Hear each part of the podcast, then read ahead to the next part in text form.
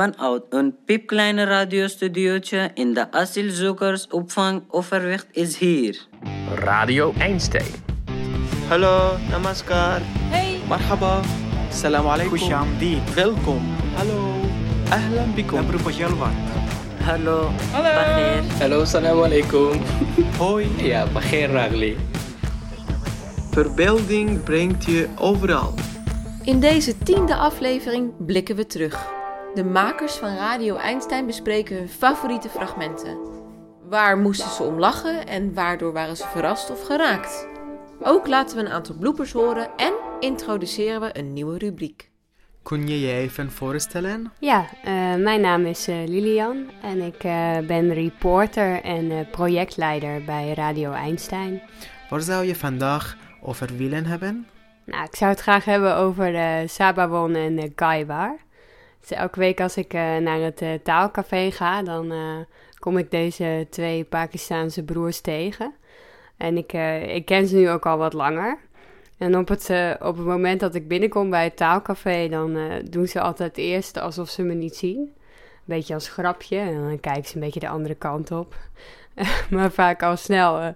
dan komen ze naar me toe, dan kunnen ze zich niet meer inhouden. En dan vragen ze: Ja, Lilian, Lilian, waar gaan we het vandaag over hebben op de radio? Nou, en eh, nou ja, dus ik spreek ze eigenlijk elke week.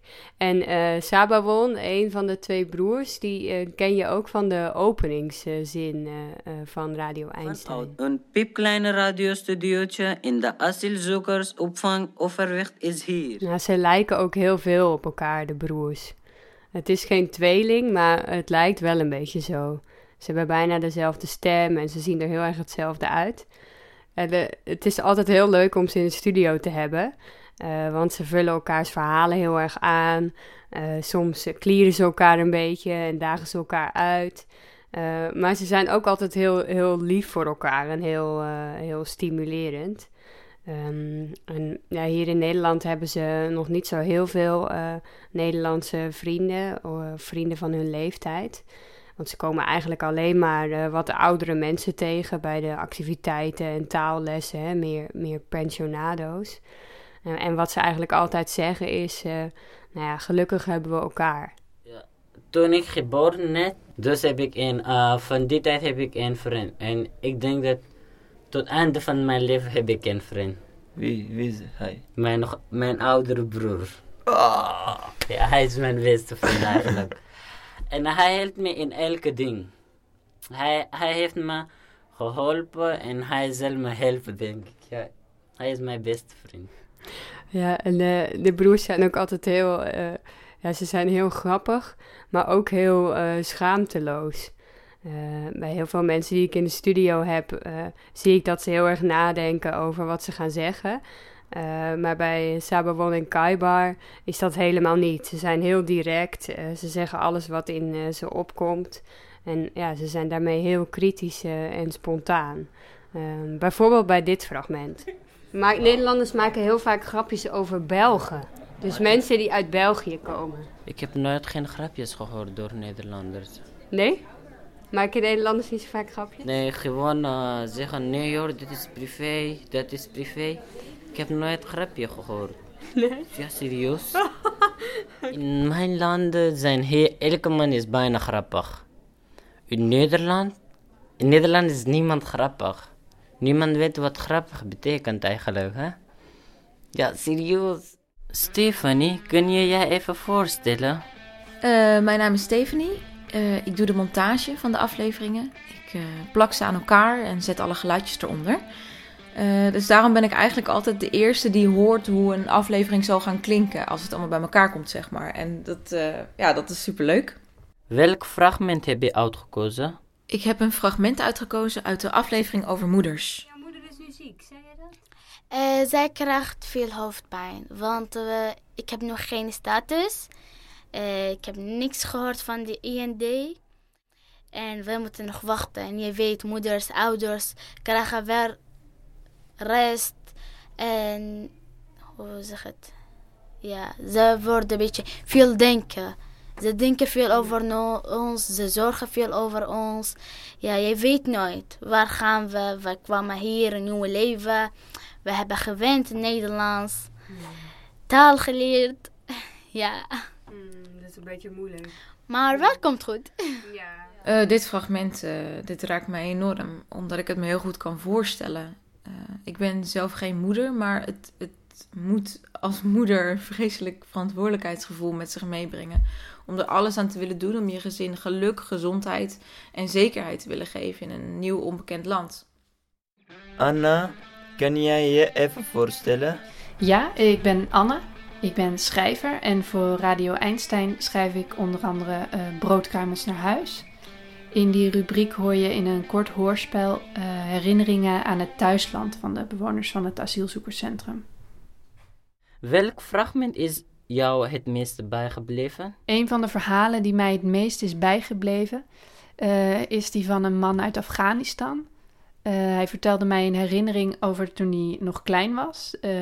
Hij liep met twee, zijn twee beste vrienden door een villa-wijk in Kabul. En ze droomden over welke huizen ze zouden gaan kopen als ze later rijk en succesvol waren. En ze wilden vooral ook naast elkaar gaan wonen. Als Mahmoud langs dit huis loopt, stelt hij zich voor hoe het zou zijn om daar te wonen. Dat hij die imposante houten deur mag opendoen en naar binnen kan stappen. Dat hij vanuit het raam op de bovenste verdieping de bergtoppen zou kunnen zien die Kabul omringen, Op een dag koop ik dit huis. zegt hij. Zijn vrienden lachen. Echt waar. Als ik later rijk en succesvol ben, dan koop ik dit huis. Ja, het is inmiddels alweer twintig jaar later. Die eh, twee vrienden, die spreekt hij nog steeds. Dat zijn zijn beste vrienden nog steeds. Maar de ene is naar Oostenrijk gevlucht en de ander naar eh, Engeland. En het- ik vind het een heel ontroerende herinnering, omdat het voor mij gaat zijn verhaal over iets groters. Ehm, over verloren dromen. Want zijn dromen zijn natuurlijk nooit uitgekomen. Ze zijn daar nooit gaan wonen in die villa-wijk eh, in Kabul. Eh, ze zijn niet naast elkaar gaan wonen, niet eens in hetzelfde land. Hij woont nu alweer een aantal jaar in eh, Nederland. Hij is hier alleen heen gekomen. Hij heeft nog steeds geen verblijfsvergunning. En dit is alweer het zoveelste asielzoekerscentrum waarin hij woont. Hij woont nu ook niet meer in, het, in Plan Einstein. Maar hij is alweer verhuisd naar het volgende AZC. En een fragment dat me ook is bijgebleven, is dat hij vertelt over hoe het is om in een AZC te wonen. En om eh, in onzekerheid te leven of je wel of niet mag blijven. You close your eyes and walk. You, you, you, you, you don't know what's coming. You don't know what will be there. You, you, don't, you don't know if you're going to fall down in a, in a canal or you don't know it, you will be hit by a car or you don't, you don't know you will end up to a garden of flowers. So Lilian, zou je iets kunnen vertellen over Ahmed? Ja, dat eh, kan. Ehm, ja, Ahmed hoor je bijna elke week. Hij heeft zijn eh, eigen ru- rubriek. Het eh, leek ons namelijk leuk als we één iemand in het AZC eh, wat intensiever eh, zouden volgen. En ja, Ahmed die zegt altijd dat zijn gezin een beetje op een basketbalteam lijkt. My family looks like a basketball team. we are with eight person. I have a wife and also six children, three boy and a three girls. Eh, als hij eh, van tevoren weet waar we over gaan praten, heeft hij ook vaak al van alles voorbereid. Dan heeft hij eh, thuis bijvoorbeeld zitten oefenen op moeilijke Engelse woorden die hij wil gebruiken. En dan heeft hij al helemaal nagedacht over wat hij belangrijk vindt om te zeggen over het onderwerp. Ja, en Ahmed schijnt heel veel aanzien te hebben in het AZC. Het is een beetje ja, een soort van de wijze papa van het AZC. Hij, eh, hij helpt namelijk iedereen en hij adviseert iedereen en heel veel mensen kennen hem. Ehm, ja, en ik, ik vind het heel bijzonder om te zien dat eh, Radio Einstein eh, ja, ook heel veel voor hem betekent. Hij, hij zegt altijd tegen mij dat hij door de gesprekken op de radio ook beter Nederlands en Engels gaat leren. Omdat hij dan een hele, ja, een hele concrete reden heeft om, om thuis te gaan oefenen.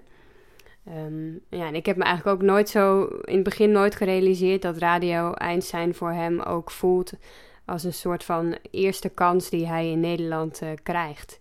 En eh, dat het ook een plek is waar hij zijn stem kan laten horen. Thank you very much, Mr. Muhammad Bawar, for, uh, from Radio Einstein FM. Thank you for Miss Lilian. From thank you for Miss Anna to give me a chance to make an interview with you.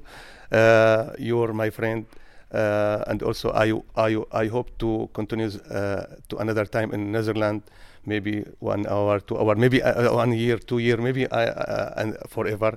Thank you very much for Radio Einstein. Thank you for Muhammad. Thank you for Anna. Thank you for uh, Lilian. Thank you for Radio Einstein. Thank you for everybody in Netherlands, people and government, for everybody. Thank you very much.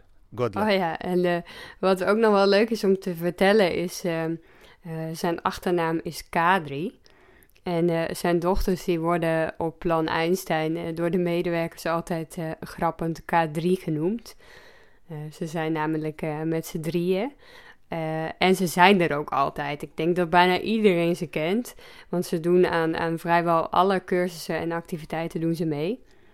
Ik, eh, ja, ik, ik denk dat ze bijna net zo gemotiveerd zijn eh, als Ahmed. Eh, en ik merk ook altijd aan hem dat hij het echt fantastisch vindt dat zijn, nou ja, dat zijn dochters hè, als meisje hier in Nederland ook zoveel kansen hebben. En dat ze zoveel kunnen bereiken. En nou ja, dat ze nu eigenlijk al zo aan het floreren zijn. En eh, ja, wat zou ik verder nog over Ahmed willen zeggen? Nou, ik, ik denk dat hij echt de, de vrolijkste en dankbaarste man is die ik ken. Hij is echt altijd zo positief en altijd zoveel aan het lachen. En nou, dat, dat vind ik wel echt eh, bewonderenswaardig. Is it also difficult sometimes to live here? No, no, no. Everyone uh, thinks uh, that my life is difficult now, but I am always positive. Me and my family have a future again. So why should I buy? I be, be sad? Tegeltjes wijsheden uit het Azadzee. good learning, good work, and time. That are the three most important things. And smile. Smiling is my passport. In mijn land hebben ze een uitdrukking, 能吃是福. Dit betekent, als je kan eten, dan is er blijheid. I go to a new place. I want to leave my problems inside. I want to be fresh. if I come with all my problems, I am not open for new things. I I don't know why, but I always think that uh, there will be good things tomorrow.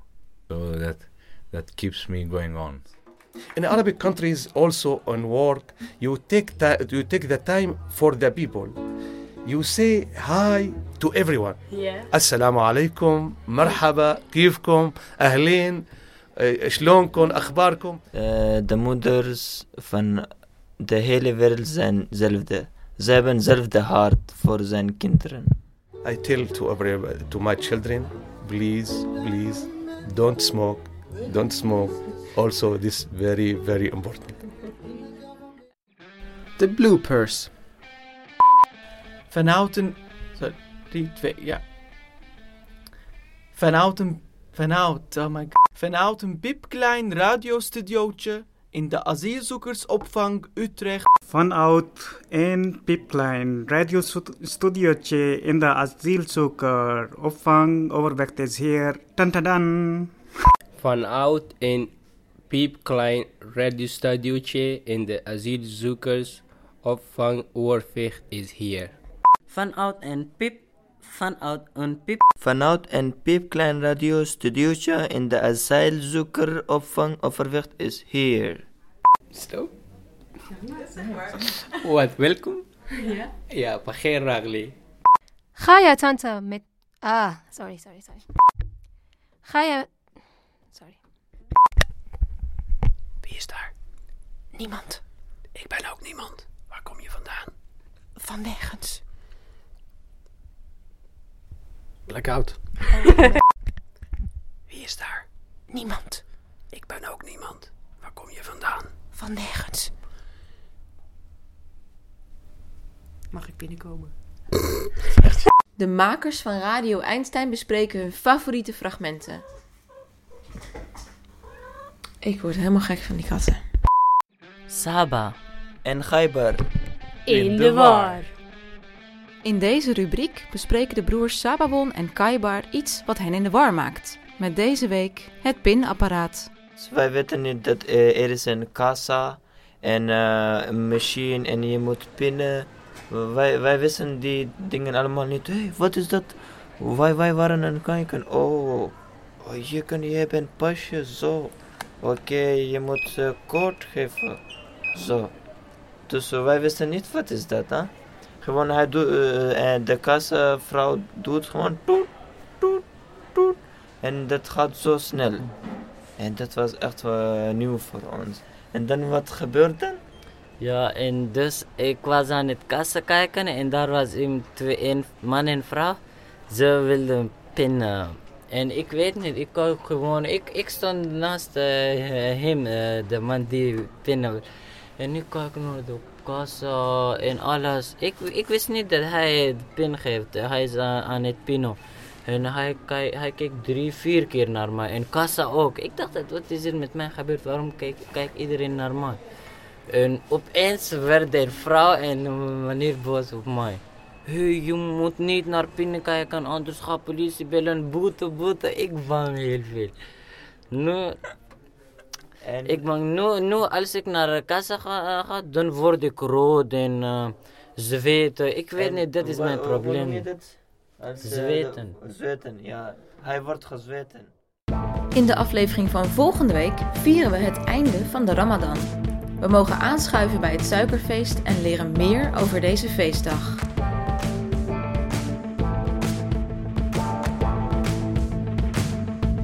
Alle afleveringen zijn terug te beluisteren op www.radioeinstein.nl.